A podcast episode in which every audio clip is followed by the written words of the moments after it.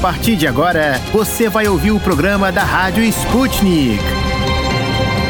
Olá, ouvintes! Eu sou a Francine Augusto e apresentarei o programa de hoje junto com a querida Luísa Ramos. Isso mesmo, Francine! Vamos juntas atualizar vocês, estimados ouvintes, com muita informação sobre o que acontece de mais importante no Brasil e no mundo nesta terça-feira, 22 de fevereiro de 2022. O presidente Jair Bolsonaro atribuiu a queda no número de assassinatos no Brasil à liberação das armas. A declaração foi feita em conversa com apoiadores em Brasília. Segundo dados coletados pelo projeto Monitor da Violência, houve uma queda de 7% no número de homicídios em 2021, quando comparado com o ano anterior. Defensor da liberação das armas, o presidente aproveitou para criticar a imprensa afirmando que jornalistas não apontam a facilitação do porte de armas como um dos motivos para a queda. Especialistas, no entanto, discordam do presidente e apontam uma distorção dos dados. Ele afirma que mais armas em circulação são um risco para a sociedade e que a tendência de diminuição nos índices de assassinatos começou antes do governo Bolsonaro. Vale lembrar que a liberação das armas foi uma das principais bandeiras políticas de Jair Bolsonaro, que vai tentar a reeleição em outubro. Falando em eleição, Francine, outro ponto que pode movimentar a corrida eleitoral são as investigações em relação ao enfrentamento da pandemia. Exatamente, Luísa. Ontem, o Procurador-Geral da República, Augusto Aras, encaminhou um pedido ao Supremo Tribunal Federal para retirar o sigilo das investigações preliminares da CPI da Covid. Nove dentre as dez apurações são sigilosas. Aras argumenta que a medida garante o acesso da sociedade a toda a informação que consta na apuração. Vários senadores pressionam Augusto Aras, desde a apresentação do relatório, por ele não ter levado à frente algumas denúncias feitas pela comissão, principalmente as relativas ao presidente Jair Bolsonaro. Na cena internacional, o destaque foi a publicação na manhã desta terça-feira, 22, do decreto do presidente russo Vladimir Putin sobre o reconhecimento das repúblicas populares de Donetsk e Lugansk.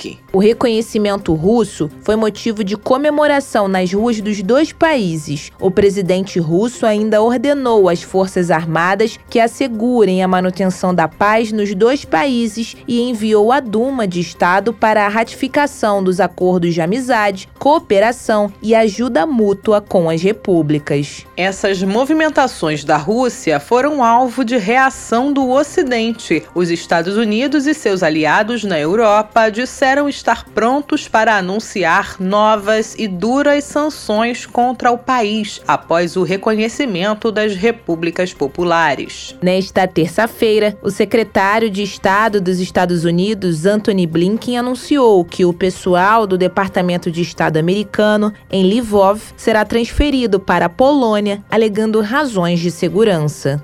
O presidente ucraniano Vladimir Zelensky, por sua vez, afirmou que as fronteiras da Ucrânia reconhecidas internacionalmente vão permanecer as mesmas. Enquanto isso, o Ministério das Relações Exteriores do país declarou que o reconhecimento russo das repúblicas de Donetsk e Lugansk viola a soberania do Estado ucraniano. O clima segue tenso na região, caros ouvintes e Francine Augusto. E coloca tenso nisso, Luísa Ramos. Mas, depois desse giro de notícias, vamos conferir o que preparamos para o programa de hoje. E no programa de hoje.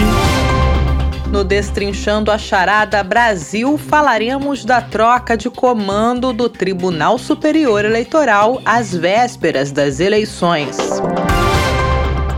No quadro Esqueceram de Mim em Portugal, falaremos da parceria entre São Paulo e Coimbra para a instalação do novo polo europeu do Museu da Língua Portuguesa. No Destrinchando a Charada Internacional, vamos entender a crise na Receita Federal que pode afetar a entrada do Brasil na OCDE. No Você Sabia, que é o nosso quadro sobre curiosidades do Brasil, vamos falar sobre sítios no sul do país com fósseis de cerca de 225 milhões de anos. Destrinchando a charada. De dentro e fora do Brasil. Política, economia, sociedade e tudo que engloba o maior país da América Latina. As charadas mais complicadas do Brasil são destrinchadas aqui.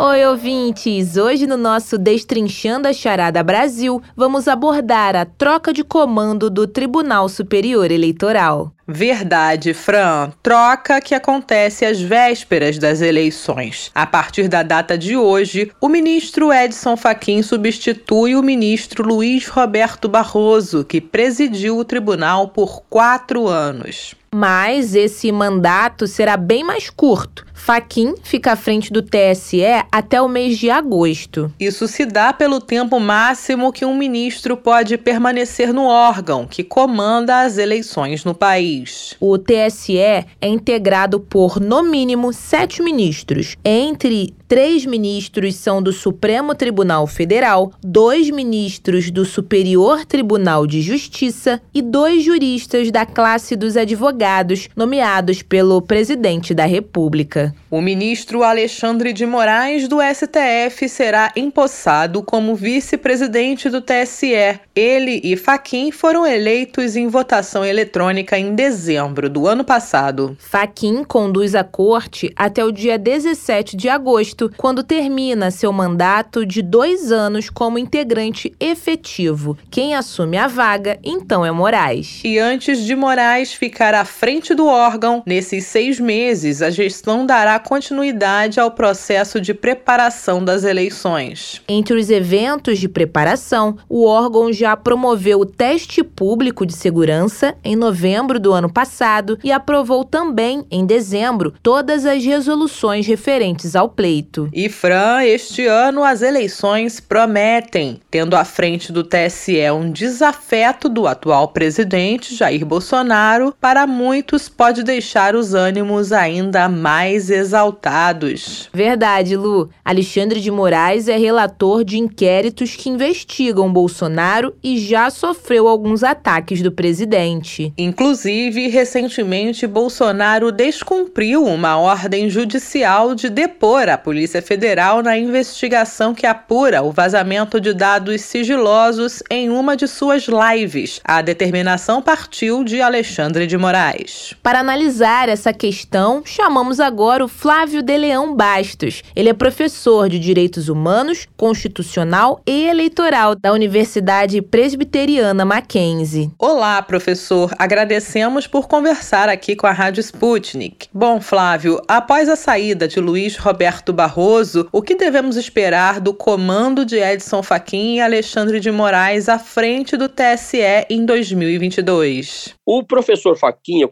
costumo chamá-lo assim, porque ele é um professor também, o que para mim ele traz muito mais respeitabilidade, é uma pessoa muito serena, pouco afeto a polêmicas públicas, mais discreto, ministro mais discreto, com grande conhecimento do direito, do jurídico e também das áreas que são correlacionadas, e ele será responsável pela preparação das eleições já junto com Alexandre de Moraes, a mim parece que teremos até agosto uma gestão voltada para uma preparação serena, mas não menos firme, para que as eleições corram da melhor maneira possível. Então, certamente, Faquim, já com a colaboração de Alexandre de Moraes, irão preparar todo o sistema de forma mais lúcida possível, mais transparente possível para o país, até porque a justiça eleitoral está sob ataque há pelo menos três anos, e não só aqui, inclusive lá fora, para que as eleições transcorram bem. Então eu vejo este primeiro semestre com o TSE muito atento aos ataques e com medidas firmes, porém sem estardalhaços, vamos assim dizer, sem muita polêmica pública. Esse é o estilo de Faquin.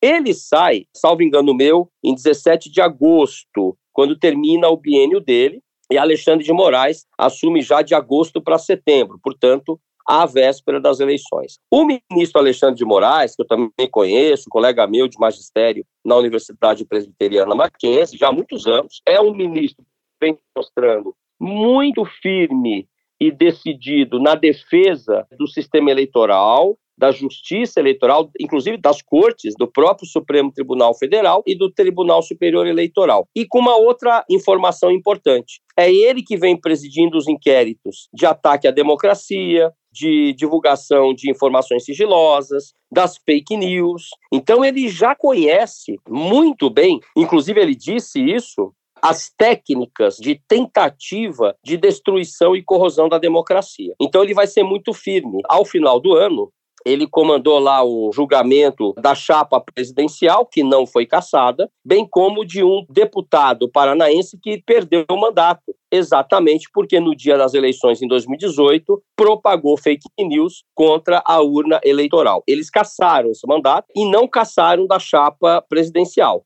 mas deixaram claro que a justiça não vai admitir fake news na proporção que ocorreu em 2018, sob pena e disse claramente: os eleitos que fizerem isso perderão o mandato e serão presos, porque o que está em jogo no momento imediato é a confiança no sistema eleitoral, mas como pano de fundo, a própria democracia. Vamos lembrar que a história nos ensina que os ditadores, os autoritários, e os líderes totalitários sempre atacaram as instituições democráticas, né? Hitler, os nazistas tocaram fogo no parlamento alemão, só para começar. Então, o Capitólio nós vimos aí, o ano passado foi invadido, em algo que era impensável, né? O próprio parlamento alemão também, no segundo semestre de 2020, foi invadido. Então, eu acho que é um momento muito importante no qual Faquim e Alexandre de Moraes assumem e acho que eles sim são nomes adequados para isso. Um outro ponto é que muitas regras ainda deverão detalhar alguns procedimentos para estas eleições e esse será um trabalho que Faquinha e Alexandre de Moraes também terão. Flávio, o comando de Alexandre de Moraes pode acirrar os ânimos entre executivo e legislativo? Olha, acirrar os ânimos especialmente se nós pensarmos nesses grupos extremistas e populistas, isso vai ocorrer de qualquer maneira, porque não importa a qualidade da decisão do ministro, sempre que ela for contrária aos interesses desses grupos populistas e extremistas que querem destruir a democracia brasileira, vai gerar crítica.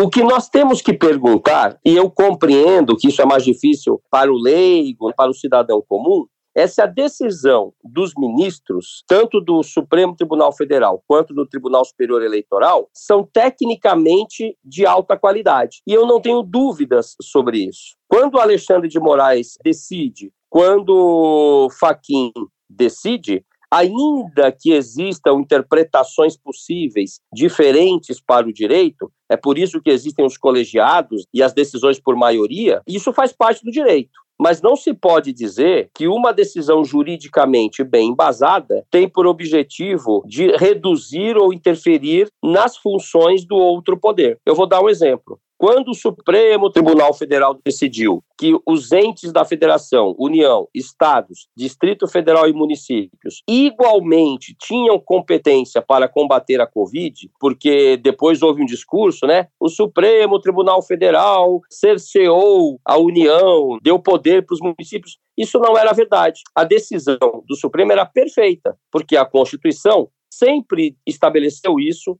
no seu texto todos são competentes para prestar e preservar a saúde pública. De forma harmônica, evidentemente, é o que se espera de uma federação. Então, as decisões de Alexandre de Moraes e de Faquim, para não falar dos outros ministros que estarão compondo o TSE nesta nova fase, certamente virão juridicamente muito bem embasadas, de modo a ficar claro que se trata de aplicação da lei. O Poder Judiciário, inclusive o TSE, só podem alterar uma decisão de outro poder quando a lei é ferida, quando a lei é violada. E é só nesses pontos que eu tenho identificado as decisões de Barroso, de Alexandre de Moraes, de Faquim, etc. Então eu não vejo, na verdade, uma boa fé nessas críticas advindas desses grupos extremistas e populistas, né? Porque fica claro que juridicamente as decisões são bem embasadas do ponto de vista técnico. Um dos desafios de quem fica responsável pelo órgão é manter a segurança, a credibilidade na justiça eleitoral, conter os ânimos que já estão muito exaltados, né, mesmo antes das eleições. Sendo assim, quais os outros temas que precisam ser tratados com atenção nas eleições deste ano, professor? Eu tenho total confiança na tranquilidade das eleições. Na realidade, este medo, este pânico é exatamente o que desejam esses extremistas, né, que não são maioria na população brasileira. É importante deixar isso claro. Eu acho que todo mundo deve, de forma discreta, vai no horário mais cedo, em horários mais tranquilos, votem, retornem para casa. Eu tenho certeza absoluta de que as eleições ocorrerão de forma assim tranquila. Eventualmente, um conflito em algum ponto pode ocorrer. Isso sempre ocorreu, na verdade, né? Especialmente nas áreas que são mais influenciadas pelo crime organizado, pelas milícias que estão tentando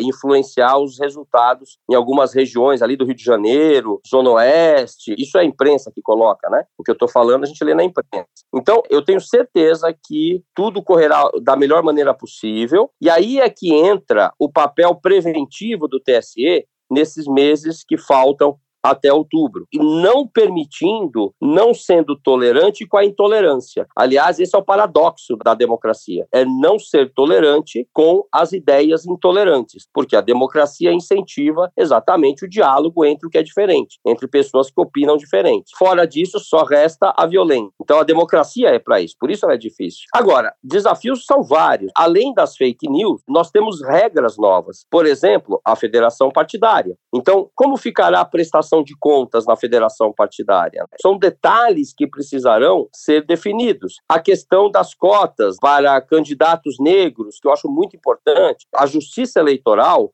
está tentando, já de algum tempo, ser um fator, uma protagonista de mudanças e de correção nessa injustiça histórica do Estado brasileiro, desde 1500, com os povos indígenas e com os povos negros. Note que nós tivemos a primeira mulher indígena eleita na história do Brasil somente em 2018, que foi a deputada de Roraima, Joênia Vapichana. Temos poucas mulheres, temos pouquíssimas mulheres negras indígenas. Então isso precisa mudar no Brasil. Então, nesse sentido, a justiça eleitoral terá que definir porque houve, o próprio Poder Judiciário definiu que o fundo eleitoral fosse proporcional ao número de candidatos negros. Isso foi decidido pelo Judiciário, gerou uma irritação no Congresso Nacional, no Legislativo, que acabou discutindo uma outra regra, dando mais fundo eleitoral para quanto mais candidatos negros tivessem os partidos. Então, são duas regras, uma proporcional e a outra não proporcional, que precisam ser harmonizadas. E isso o TSE vai ter que também disciplinar, vai ter que regular. Como é que o TSE vai combater candidatos oriundos do crime organizado, das milícias?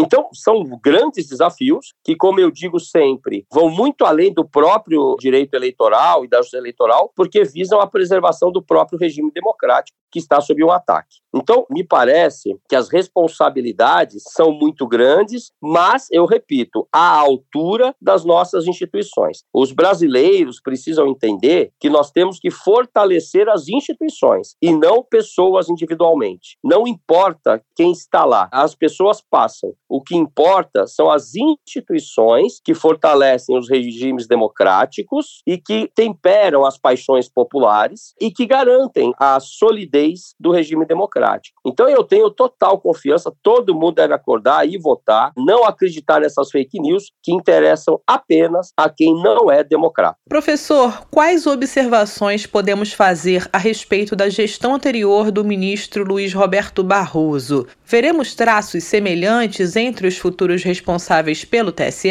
O ministro Barroso fez um grande trabalho. Notem que ele comandou a justiça eleitoral neste período de ataques frontais, inclusive manifestações que atacaram fisicamente o prédio do Supremo Tribunal Federal e também uma intensa campanha anti-justiça eleitoral. Eu acho que Barroso fez um grande trabalho. Notem que ele deixou claro que as urnas eletrônicas são seguras, nós vimos a gravidade de não existir uma justiça eleitoral no caso da eleição norte-americana, que falta lá um órgão como esse, seja Poder Judiciário, seja uma instituição administrativa, política, não importa. Então, a justiça eleitoral ela é essencial. E o Barroso defendeu com muita competência e de forma transparente, pública, a lisura das urnas eletrônicas. Eu acho que esse foi um grande passo dele, porque se essas urnas passam a ser questionadas e duvidadas pela própria população brasileira quanto à sua segurança, seria um problema muito maior. E eu acho que hoje não há mais dúvidas sobre a segurança. Isso se deve, dentre vários profissionais que se envolveram nesse trabalho, também ao ministro Barroso. O ministro Alexandre de Moraes, o Barroso ele é mais tranquilo nas colocações dele, né? não menos firme também, mas ele é mais comedido, assim como o Faquin, né, conciliador. Eu acho que o Alexandre de Moraes deverá se colocar de uma forma mais explícita no que tange a defesa das instituições democráticas, né?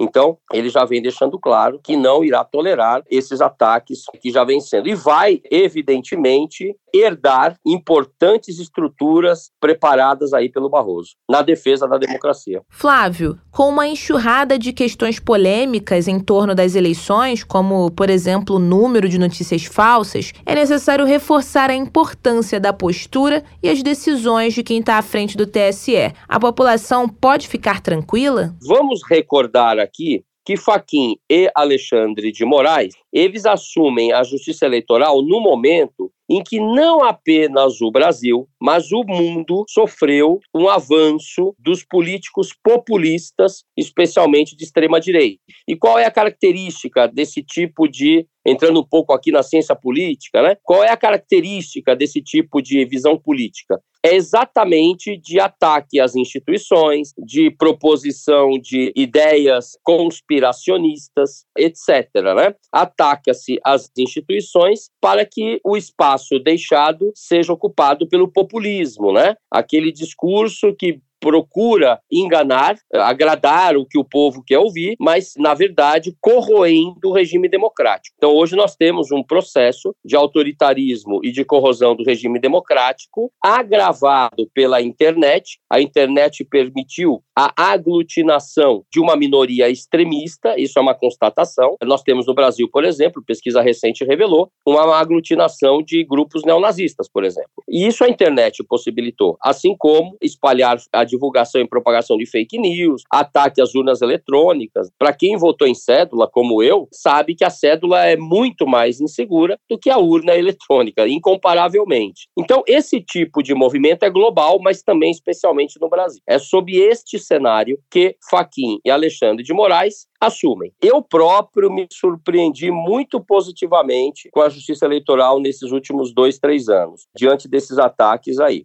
Segundo, entenda cada cidadão que não existem alternativas à democracia. Fora do regime democrático, o que haverá é violência, extermínio físico, cultural, social e econômico, em todos os sentidos, e a manutenção de oligarquias que sempre, desde o início da história do Brasil, mantiveram esse país sob um regime de opressão e exploração das maiorias, né? Das populações negras, indígenas, das mulheres e outros grupos vulneráveis. Então é muito importante valorizarmos a democracia, o regime democrático. Jamais compactuarmos com ideias que eu diria até criminosas, como a existência de partido nazista, por exemplo. Isso é proibido pela lei eleitoral e é crime pela lei penal por apologia ao nazismo e racismo. E isto notem que isso vem sendo assumido por algumas pessoas sem qualquer receio. Então, me parece que a democracia é a solução para isso e a firmeza da lei também, né? porque são casos de cadeia mesmo. Então, eu acho que as pessoas não podem tolerar qualquer ataque à democracia.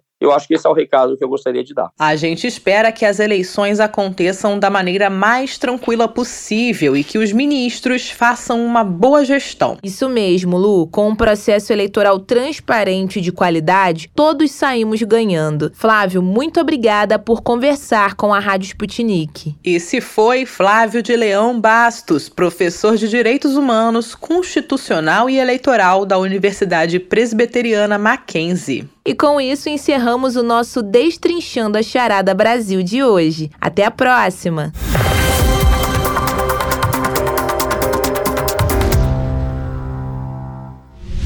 Esqueceram de mim em Portugal. Senhoras e senhores passageiros, apertem os cintos de segurança porque estamos prestes a decolar rumo a Portugal. A tripulação Sputnik Brasil deseja a todos uma ótima viagem.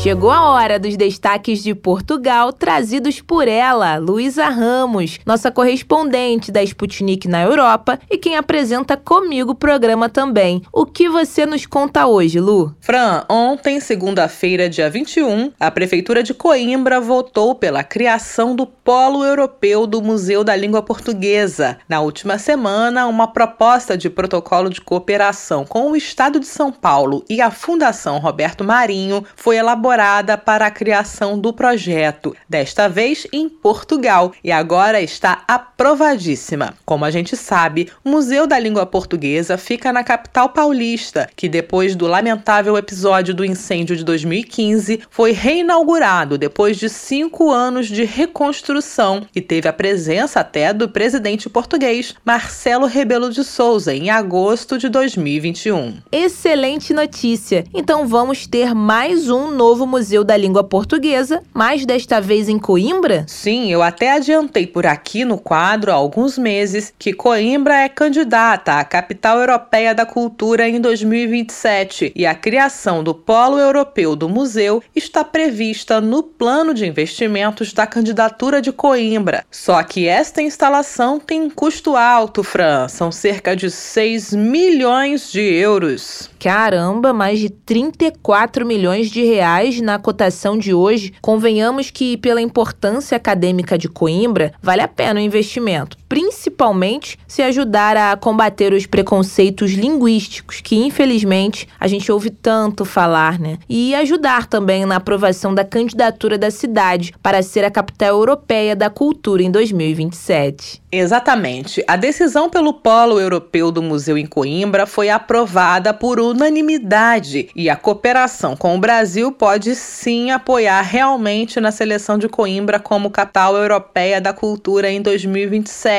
que ajuda a trazer mais investimentos para a cidade. Mas mesmo que Coimbra não seja a vencedora, o museu vai ser elaborado com afinco, segundo os idealizadores. Eu vi que ainda não tem local exato para este novo museu mas pelas fotos que eu já vi, Coimbra parece não ser muito grande, porém uma cidade muito linda. Imagino que qualquer lugar onde for instalado o museu será uma boa escolha. Em São Paulo fica praticamente na Estação da Luz. Coimbra é mesmo uma graça de cidade, Fran. Eu amei conhecer e comer lá também, uma delícia. Mas é curioso você falar isso sobre a estação de trem, pois apesar de indefinido ainda, pode ser que o Museu de Coimbra Coimbra seja instalado no edifício da estação nova da cidade, que deve ser desativado em breve e não vai mais funcionar como espaço ferroviário. Será que eu acertei na aposta? Bom, o que a gente sabe é que São Paulo e a Fundação Roberto Marinho vão partilhar o conhecimento técnico e know-how para colaborar com o novo espaço do Polo Europeu do Museu da Língua Portuguesa. E nós vibramos com essa notícia que pretende valorizar falantes do idioma em todo o mundo. O protocolo, que tem uma duração de dois anos, é como você falou, Fran, uma colaboração de conhecimentos, sem investimentos financeiros ou materiais. Na minha visão, uma colaboração que não tem preço. Afinal, são conhecimentos nas áreas de arquitetura, museografia, curadoria, tecnologia, acessibilidade, comunicação. Nossa, muita coisa. E eu fico aqui torcendo para um dia ir conhecer esse Museu da Língua Portuguesa em Coimbra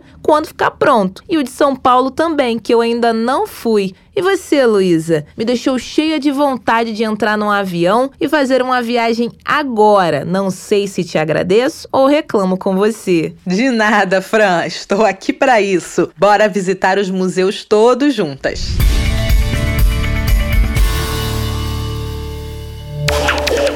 Tem alguma dúvida ou comentário sobre a Rádio Sputnik? Você pode entrar em contato com a gente através do e-mail radio.br@sputniknews.com. Destrinchando a charada.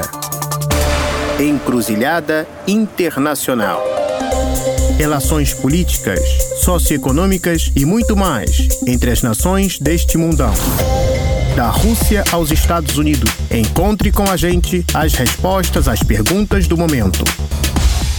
Estimados ouvintes, vamos comentar hoje sobre o corte orçamentário da Associação Nacional dos Auditores Fiscais da Receita Federal, a UNAFisco, que balançou as estruturas do governo e pode prejudicar a adesão brasileira à Organização para a Cooperação e Desenvolvimento Econômico, a OCDE. O corte não foi pequeno, caros ouvintes, 1 bilhão e 700 milhões de reais. Por isso, os auditores decidiram registrar queixa formal ao ACDE contra o corte. A queixa pode ser apresentada a qualquer momento pela Unifisco. A medida pode atrapalhar o processo de adesão do Brasil ao Bloco dos Ricos, pois os auditores afirmam que a redução de recursos vai na contramão do compromisso da organização internacional em combater a sonegação. E também porque as conversas entre o Brasil e a OCDE estão ainda frescas, já que a entidade aprovou o início das negociações formais de entrada do país no mês passado. E mais, a alegação de que o governo de Jair Bolsonaro reteve os quase 2 bilhões de reais do fisco para ter a possibilidade de dar um reajuste salarial para os policiais federais em 2022, o que pode indicar interesses políticos em meio ao ano eleitoral. O presidente da Unifisco, Mauro Silva, disse em reportagem ao Poder 360 que, abre aspas, a OCDE precisa saber que o Brasil está se comprometendo com algo mas, na prática, está fazendo o contrário, desmontando a fiscalização tributária. Fecha aspas. Em nota, a Unafisco informou que o orçamento para as despesas discricionárias da Receita Federal já vem caindo nos últimos três anos e chegou a 1,2 bilhão no último orçamento de 2022, o que reduz a possibilidade de investimentos em tecnologia da informação. Além disso, afirma que o orçamento é para abre aspas, custear toda a estrutura responsável pela fiscalização e arrecadação federal de 1,7 trilhões de reais, o que corresponde a 67% de toda a arrecadação do país, além de todo o controle aduaneiro sobre a entrada e saída de mercadorias e de passageiros do país. Segundo a Unafisco, quase 1.500 auditores fiscais já entregaram cargos de chefia em protesto protesto. Além disso, os auditores fazem operação padrão em locais como Porto de Santos, atrasando a liberação das importações e exportações brasileiras. Eles reivindicam a recomposição orçamentária do órgão e também a regulamentação do bônus de eficiência da categoria, que é negociado com o governo desde 2016. Para entendermos o que pode vir por aí e desvendar as razões por trás das ações, convidamos convidamos dois especialistas hoje: Leonardo Trevisan, economista, mestre em História Econômica e doutor em Ciência Política pela USP e professor da Escola Superior de Propaganda e Marketing, a ESPM, e da PUC. E também Vinícius Rodrigues Vieira, professor de Relações Internacionais da Fundação Armando Álvares Penteado e da Fundação Getúlio Vargas. Obrigada pela disponibilidade de ambos. E vou começar perguntando ao Vinícius Vieira quais os interesses interesses e benefícios do Brasil em aderir à OCDE. O Brasil busca pertencer à OCDE desde o governo Temer, já havia debates anteriormente acerca do assunto nos anos 90, mas que foram engavetados durante os anos Lula e Dilma, que entendiam que era mais vantajoso para o Brasil se aproximar das potências emergentes. O governo Temer desengavetou essa questão no contexto da agenda liberal da economia, de recuperar a economia com bases liberais, e o governo Bolsonaro prossegue com essa agenda. O principal intuito nessa visão é atrair investimentos, dar um selo de qualidade ao Brasil. Mas se sabe que não basta né, ser membro da OCDE para ter progresso econômico. Né? As experiências latino-americanas nesse sentido, a mais próxima do Brasil é o México, que aderiu e tem grandes problemas ainda. O Chile é um país menor, ao meu ver não é comparável, mas também se globalizou aí de uma maneira que hoje vemos não não foi das mais vantajosas, porque acabou por gerar um passivo social muito elevado. Isso não quer dizer que o Brasil aderindo ao OCDE vai tomar o caminho do Chile ou o caminho do México, mas talvez as expectativas sejam muito elevadas em relação aos benefícios. Talvez o grande benefício para o Brasil entrar no OCDE seja menos ali na questão de atrair investimentos, ganhar esse crédito, né, esse selo de qualidade que a OCDE supostamente dá aos seus membros, mas de ter um fórum para ter um pé no Ocidente, né, ou seja, no clube ali dos países mais ricos, as economias democráticas tradicionais e os países emergentes via BRICS, ou seja, o Brasil estaria numa posição única no mundo para barganhar tanto com os emergentes quanto com os países com democracia e capitalismo de mercado já consolidados. Qual é o papel dos auditores fiscais e por que o corte de orçamento citado é prejudicial para a integração do Brasil na OCDE? Os auditores fiscais no Brasil, basicamente, eles verificam se as declarações de impostos, notas fiscais, documentos fiscais, contábeis estão em linha com aquilo que é declarado pelos contribuintes e não só o que é declarado pelos contribuintes, obviamente, mas à luz da legislação nacional. O corte de orçamento lhe é negativo porque ele impede que os auditores tenham tempo, tenham recursos, tenham disponibilidade para verificar casos de corrupção. E a OCDE,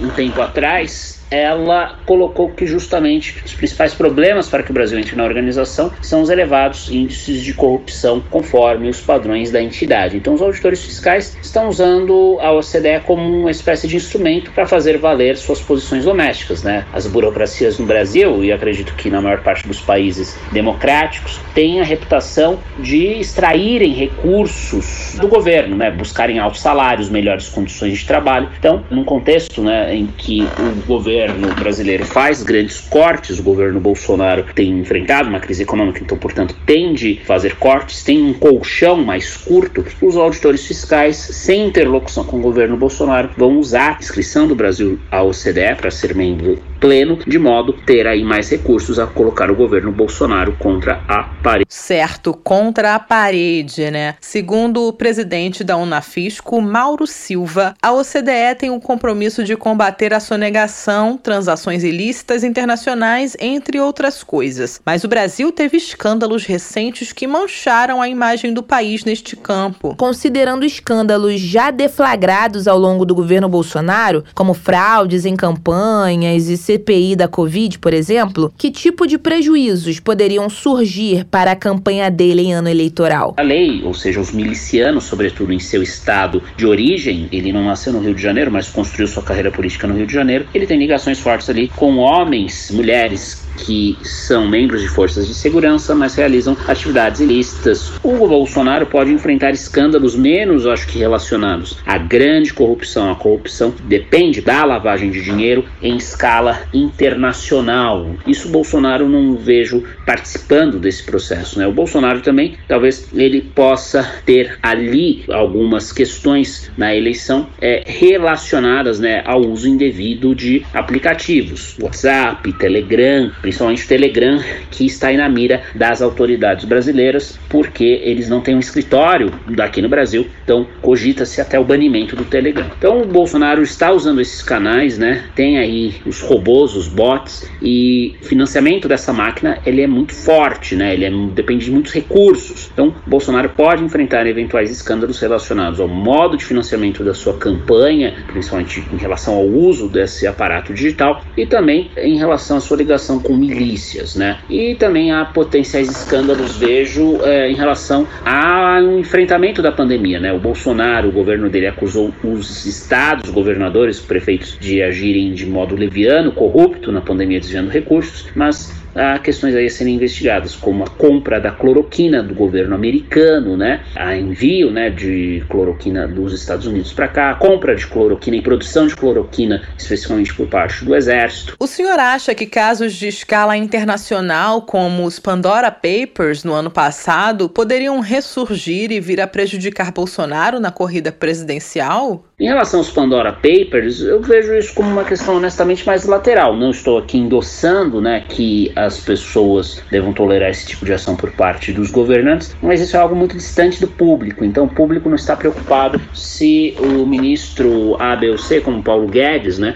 tem contas no exterior. Então, é muito mais provável né, que questões associadas às milícias né, sejam um pé ali é, no calo, uma pedra no sapato do Bolsonaro na busca pela reeleição. Mas mais do que questões de corrupção, eventuais ilícitos, né, inclusive nas campanhas aí com o uso de aplicativos, disparos em massa, robôs, acho que a população vai prestar muito mais atenção, se me permite dizer, aqui não é parte da pergunta, na questão econômica, né? Tem uma inflação muito alta no Brasil, muito desemprego, portanto é isso que vai pautar a escolha no voto ou não em Jair Bolsonaro. Na sua análise, é realmente importante o acesso do Brasil na organização neste momento? Que outros tipos de adesões ou integrações poderiam ser consideradas prioritárias? Bem, o Brasil ele é tradicionalmente um país que fala com todos no cenário internacional, defende a lei internacional, os tratados, então ele tem um papel a desempenhar caso retomemos nossas tradições diplomáticas, que foram muito comprometidas pelo governo Bolsonaro,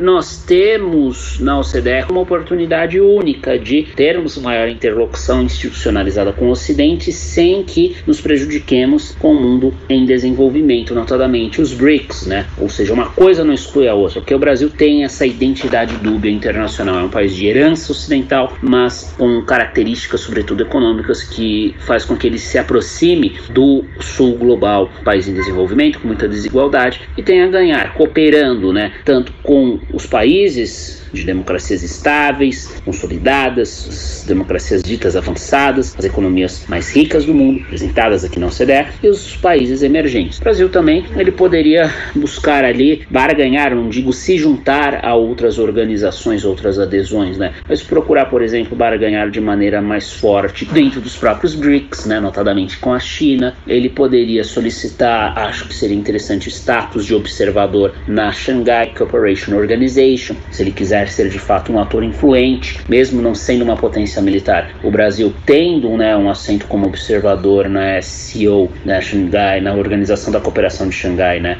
seria ali um sinal de prestígio internacional, porque Índia e Paquistão entraram como membros de uma organização da qual Rússia e China fazem parte, ou seja, o Brasil tem que pensar em si. Quanto mais organizações ele fizer parte, maior o seu poder de barganha para ter concessões e parcerias vindas tanto do Ocidente, dos Estados Unidos, quanto das potências emergentes, notadamente China e Rússia. Né? O Brasil tem que considerar aí fazer mais acordos bilaterais de comércio, né? mas sem renunciar ao Mercosul. Né? O Mercosul é fundamental para que o Brasil volte ao seu sua posição né, de potência média, né? uma potência que negocia, que fala com todo mundo. Não há potência média forte sem ter uma posição de destaque na região. E hoje o Brasil está, infelizmente, de costas para a América Latina. O Brasil pode extrair coisas boas da OCDE, pode extrair coisas boas dos BRICS, como extraiu participação participação no NDB, Union Development Bank, Banco dos BRICS, entre outras iniciativas conjuntas do bloco. Certo. Obrigada, Vinícius Vieira. Agora vou convocar o Leonardo Trevisan, economista e professor da ISPM. Trevisan, o que na prática significa a retirada de 1 bilhão e 700 milhões de reais do fisco?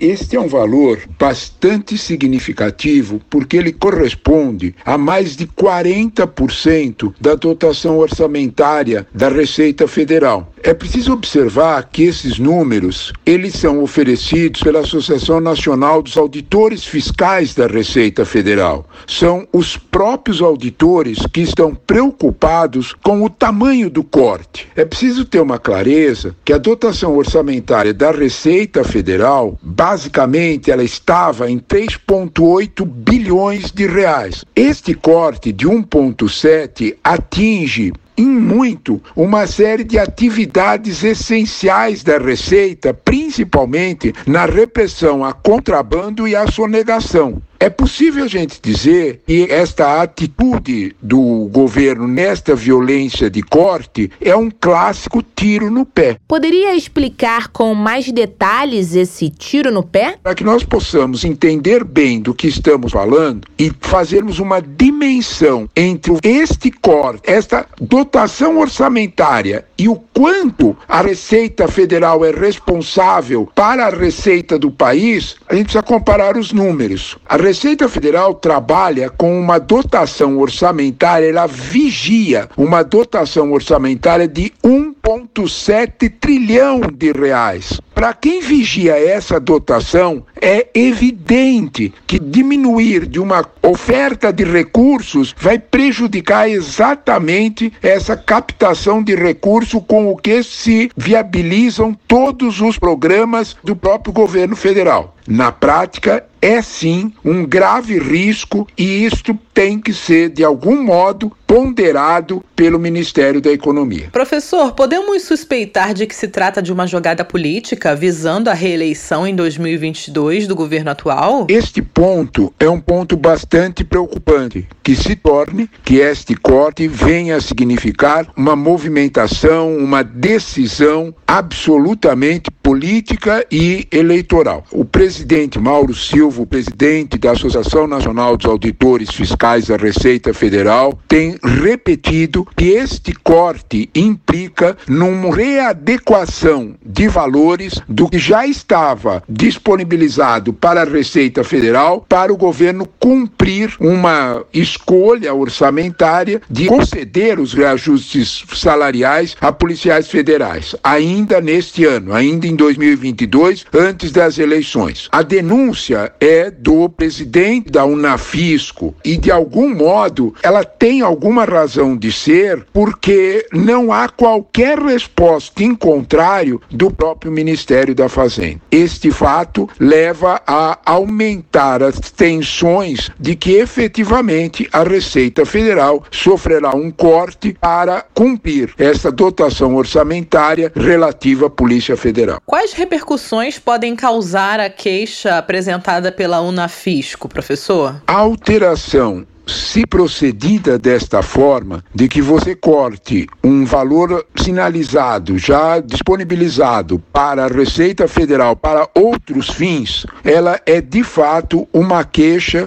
que procede e que de alguma forma preocupa até mesmo o Congresso Nacional toda a dotação orçamentária do país, ela depende exatamente desse controle que a Receita Federal faz sobre atividades de contrabando, de sonegação e de vigilância em portos e aeroportos. Se com este corte nós tivermos menos possibilidades da Receita Federal estar presente nesses locais, é evidente que nós estaremos tendo uma atitude de prejuízo muito grande para a arrecadação é sim uma alteração preocupante e que vai levar sim a consequências bastante graves para a economia brasileira. No que esta ação realmente afeta a adesão do Brasil à OCDE? O Brasil pode ser deixado de lado? A Unavisco escolheu exatamente este formato de queixa para a Organização para a Cooperação e Desenvolvimento Econômico para reclamar desse corte orçamentário, porque esta é uma das principais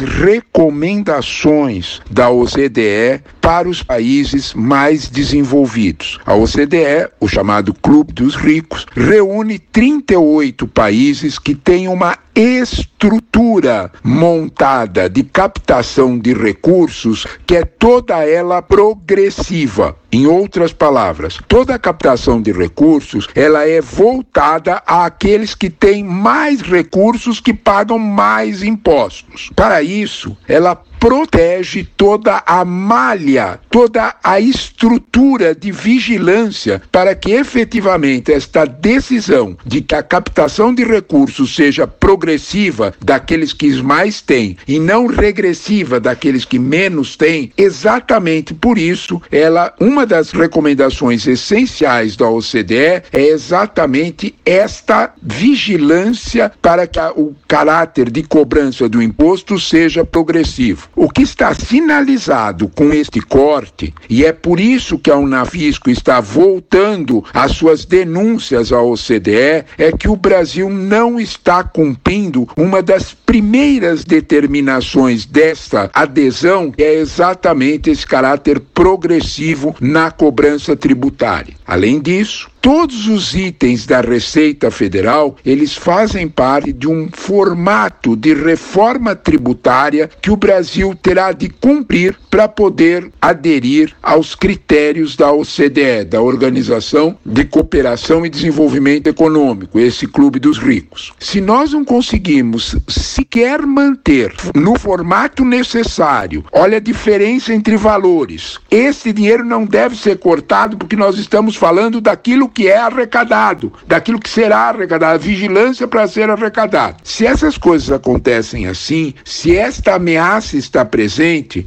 que tipo de reforma tributária teremos a apresentar à OCDE para que possamos entrar na OCDE? Este ponto é, é, bastante visível e a Unavisco está visando este alerta à OCDE, é claro que para proteger as estruturas reais para o trabalho que a Receita Federal tem que ter no Brasil para que todas as dotações orçamentárias para cobrir todas as necessidades do país sejam alcançadas. Certo. Professor Leonardo Trevisan, economista e professor da ISPM. Agradecemos muito suas explicações e análises. Agradecemos também ao Vinícius Rodrigues Vieira, professor de Relações Internacionais da FAAP e da FGV. Nossa entrevista fica por aqui. Para ler, basta acessar nosso site, caro ouvinte.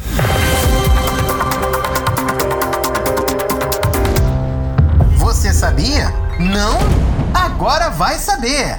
Num país gigante como o Brasil, sempre há mistérios ou peculiaridades históricas que merecem ser desvendados. Vem com a gente descobrir!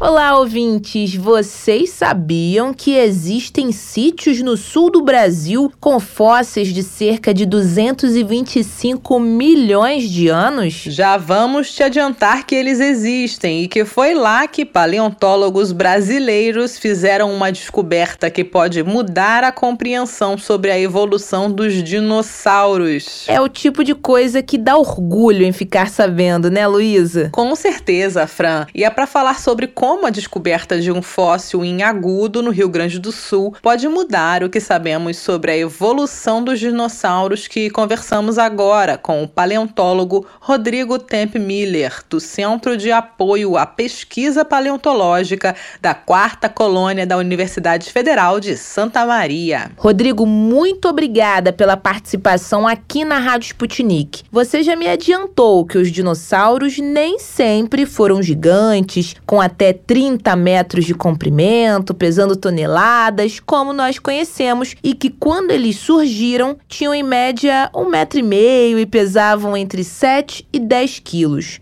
O que esses fósseis nos contam sobre a evolução desses animais? Geralmente, quando a gente encontra esses dinossauros que são mais intermediários, né? No caso desse, ele vem então desse intervalo que vai estar entre 230 e 228 milhões de anos. Geralmente a gente vai estar buscando modificações no esqueleto que nos mostrem como o esqueleto está evoluindo em relação às formas primitivas e em relação às formas mais avançadas, digamos assim, para a gente conseguir colocar ele, né, em um contexto evolutivo. Então a gente sempre tenta entender o tempo e o modo em que essas características estão surgindo. E a gente geralmente vai estar mais acostumado a encontrar as mudanças. Só que dessa vez esse animal ele nos mostrou justamente o contrário, né, o que não estava mudando. Isso foi bem interessante, porque como ele já é um animal que pesa três vezes mais do que os animais mais antigos, né, os dinossauros, no caso mais antigos, a gente esperava que ele tivesse certas adaptações que a gente não viu nele, como é aquela questão da relação entre os ossos da perna, que geralmente animais maiores vão ter o fêmur maior do que a tíbia, né, o osso da coxa em relação ao osso ali da canela. Já nesse animal a gente tem o contrário, né, ele tem uma condição que lembra mais dos animais pequenos, que são corredores. Os ossos também, de forma geral, eles são mais delgados, eles não são robustos como nas formas maiores. E além disso, quando a gente analisa as estruturas de fixação de músculos, elas são bem típicas de animais mais primitivos mesmo. A gente não vê nada das mudanças que a gente vê nas formas mais avançadas. Então, os dele, digamos assim, ainda mantém o padrão típico dos animais primitivos, que são corredores, né, que tem toda uma mudança no, no balanço no corpóreo em relação às formas mais avançadas. Então, o que ele nos mostra, né, de maneira geral, é justamente que essas mudanças, elas não vão ter acontecido durante esse intervalo que a gente imaginava. Elas acontecem depois, já nessas formas mais avançadas. Então, ele retém as condições primitivas. É incrível como só através dos fósseis é possível descobrir como esses bichos se desenvolveram, né, Luísa? Muito, Francine. E Rodrigo, qual é a relevância dos sítios fossilíferos descobertos no Brasil nos últimos anos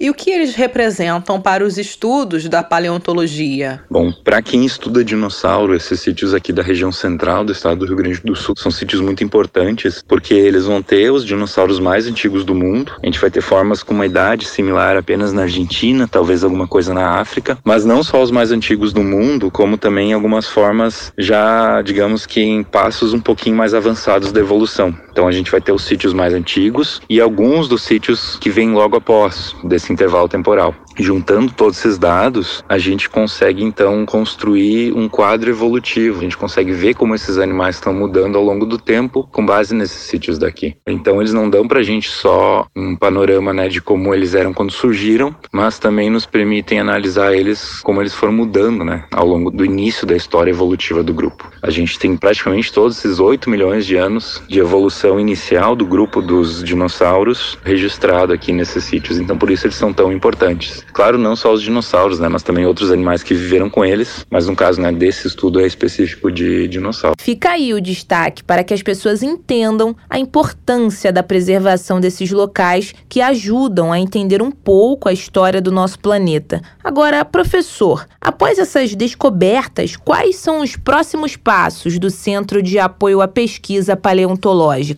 Para esse animal, a gente fez esse estudo agora e o que a gente sempre faz é manter né, o animal armazenado e vai acrescentando ele em outros estudos mais amplos. Então, agora que a gente estudou ele de maneira específica, ele vai servir de base para outros estudos que envolvam outros animais também, né? Especialmente esse fóssil, porque ele é um material que fica nesse intervalo que eu comentei antes, né? Que fica no intervalo entre as formas mais primitivas e as mais avançadas. Então, agora ele vai servir de dado, né, para outros estudos também. A gente vai continuar estudando, mas ele em si a gente já fechou esse primeiro estudo. E também os fósseis que estão no capa, eles servem para outros pesquisadores, né? Não só a gente aqui, mas outros pesquisadores de outros lugares, tanto do Brasil como do mundo, também visitam muito o nosso centro para poder fazer análises, pesquisas, né? Então, esses fósseis que a gente encontra, além de estudar, nós aqui, outros pesquisadores de outros lugares do mundo também vão usar né, esses dados para os estudos deles. Rodrigo, a paleontologia não é muito conhecida entre os brasileiros, né? Essa descoberta estimula essa área do conhecimento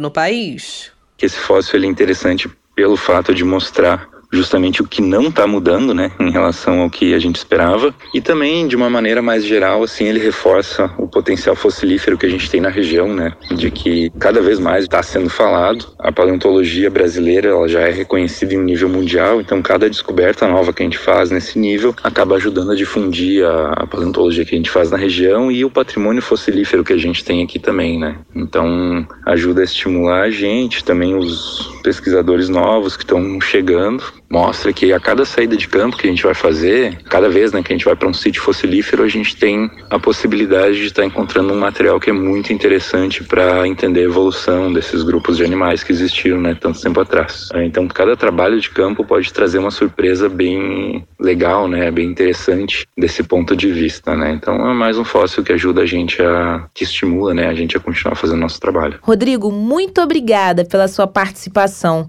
Espero que possamos conversar conversar em outras oportunidades sobre mais descobertas paleontológicas no Brasil. O nosso Você Sabia fica por aqui. Voltaremos em breve com novas curiosidades e descobertas para vocês, caros ouvintes. Até a próxima!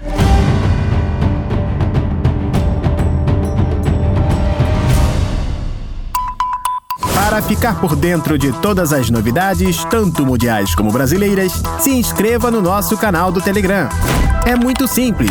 É só você escrever Sputnik Brasil na busca do Telegram e se inscrever para receber as notificações. Hora de dar tchau.